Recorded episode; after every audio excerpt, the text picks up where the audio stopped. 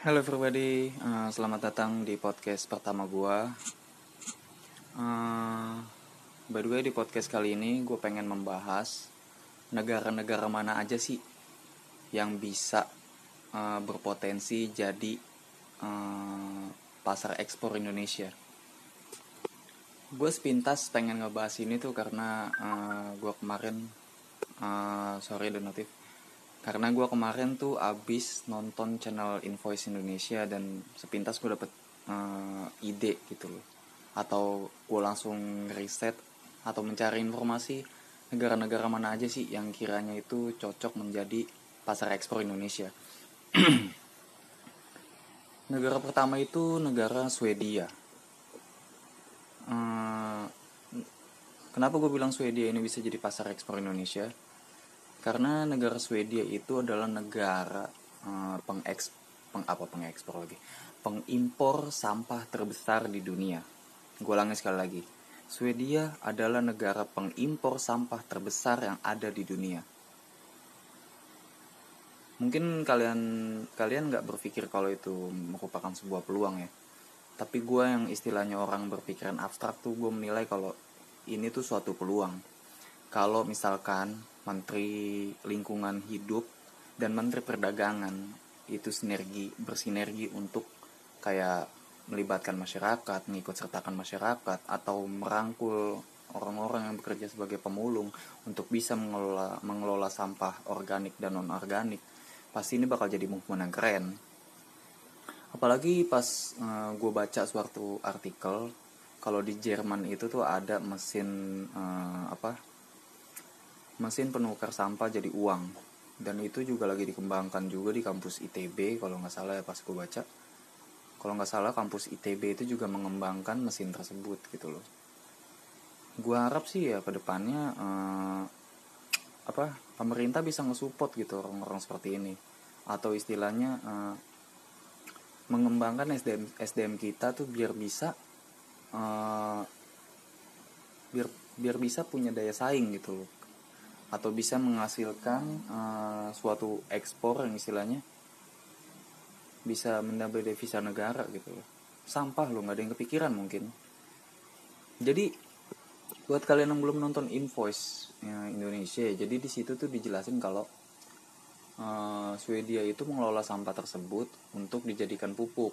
Kalau sampahnya istilahnya sampah-sampah uh, sampah-sampah busuk gitu dijadiin pupuk. Tapi kalau misalkan sampah-sampah berupa kaca eh, barang-barang elektronik itu dijadiin uh, tenaga listrik. Selain Swedia yang bisa menjadi market uh, pasar apa ekspor sampah ya Tiongkok juga uh, jadi negara terdua menurut gua sebagai pengim apa pengimpor sampah terbesar di dunia kedua nah itu juga bisa tuh kita kalau misalkan udah sistemnya udah dibentuk ya kita juga bisa tuh ngekspor sampah ke apa ke Tiongkok dan Swedia gitu loh. Ehm, sebenarnya sih Menteri Lingkungan Hidup dan Kehutanan tuh udah punya movement seperti ini ya. Ehm, ada Dirjen Dirjen Menteri Lingkungan Hidup dan Kehutanan yang bernama Ibu Rosa Vivin Ratnawati sebenarnya udah nggak membuat apa bukan membuat sih. Sebenarnya udah ada movement seperti ini itu dipelopori oleh Bank Sampah ID dan Ibu Vivin Ibu Rosa Vivin Ratnawati pun mendukung movement ini sebenarnya. Cuman ya harus apa ya semuanya harus sinergi gitu semuanya harus diikut sertakan. Bahkan masyarakat masyarakat biasa menurut gue tuh harus diikut sertakan gitu loh agar bisa mengelola sampah organik dan non organik kan lumayan juga keuntungan untuk negara kan?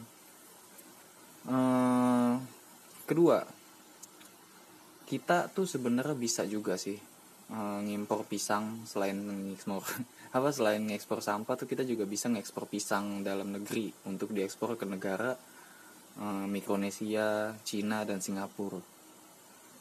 Uh, sebagai info aja ya untuk kalian yang belum tahu Eh, produsen dalam negeri produsen pisang dalam negeri terbesar itu ada di Jawa Timur. Nah yang kedua ada di Lampung produsen pisang Lampung dan ketiga di Jawa Barat.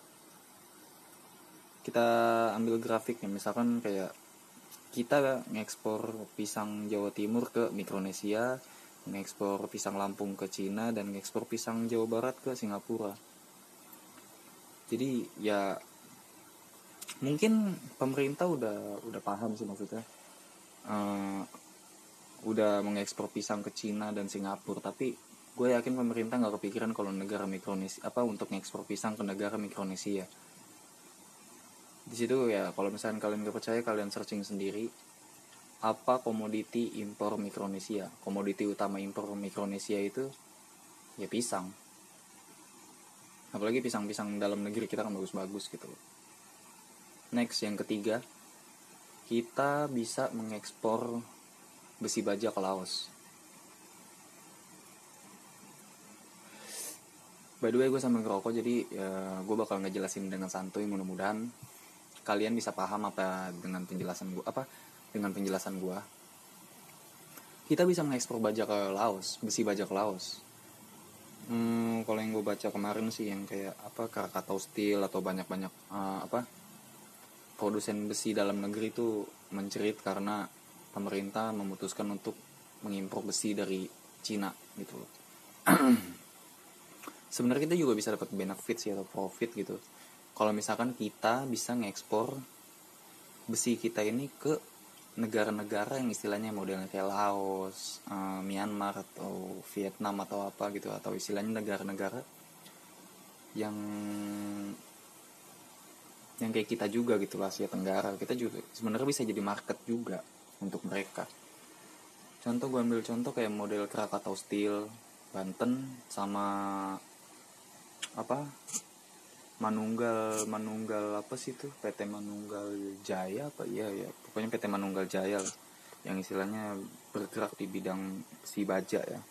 Ya kita ekspor aja tuh ke negara Laos ya kan? Karena emang negara itu kan lagi butuh komoditi besi baja daripada kita kalah saing gitu loh sama negara Cina mendingan kita banting harga. Next yang keempat kita bisa mengekspor kertas farmasi ke Kamboja. Ini info ini info sebenarnya gue yakin lu bakal banyak nggak tahu kalau kertas farmasi itu bisa diekspor. Kamboja adalah uh, negara pengimpor kertas farmasi terbesar loh uh, ada beberapa apa beberapa produsen kertas farmasi yang ada di Indonesia ada yang di daerah Jakarta khususnya.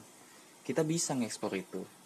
Kalau uh, Menteri Perdagangan uh, Pak Enggar Tias Tolukito ini bisa ngelihat peluangnya gitu loh atau mau merangkul mereka.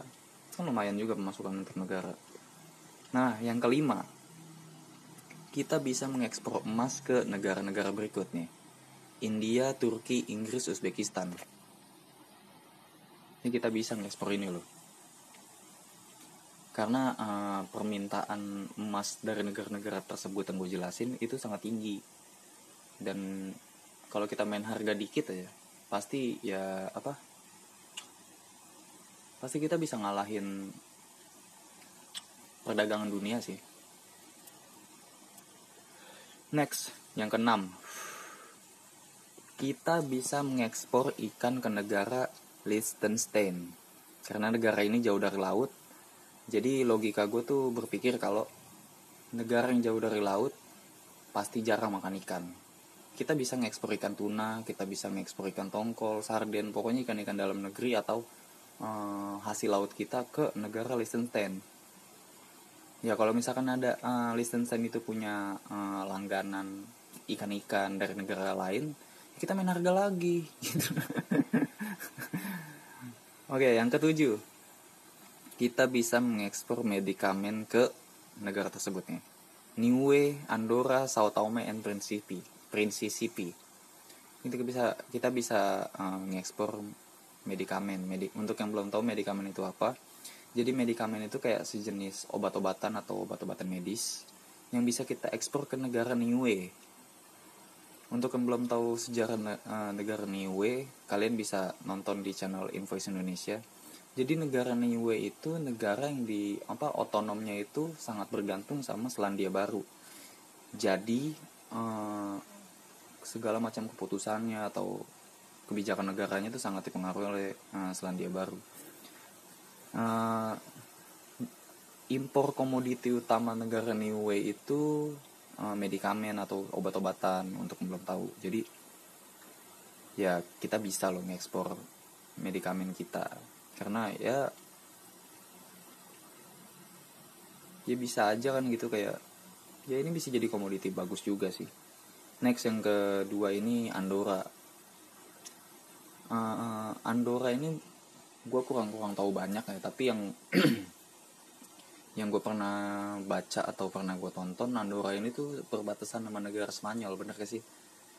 Ya kita bisa mengekspor medikamen kita ke sana atau obat-obatan kita ke sana. Dan yang ketiga Sao Tome and Principe. Ini kayaknya negara Afrika tapi gue nggak banyak tahu juga. Yang gue tahu dan yang gue baca kemarin itu kalau Sao Tome ini memiliki impor komoditi utama itu medikamen juga. Jadi kita bisa uh, menjadikan tiga negara tersebut ini sebagai target utama ekspor kita sebenarnya. Hmm, tuh dua tiga empat lima enam tujuh. Ya kayaknya udah tujuh.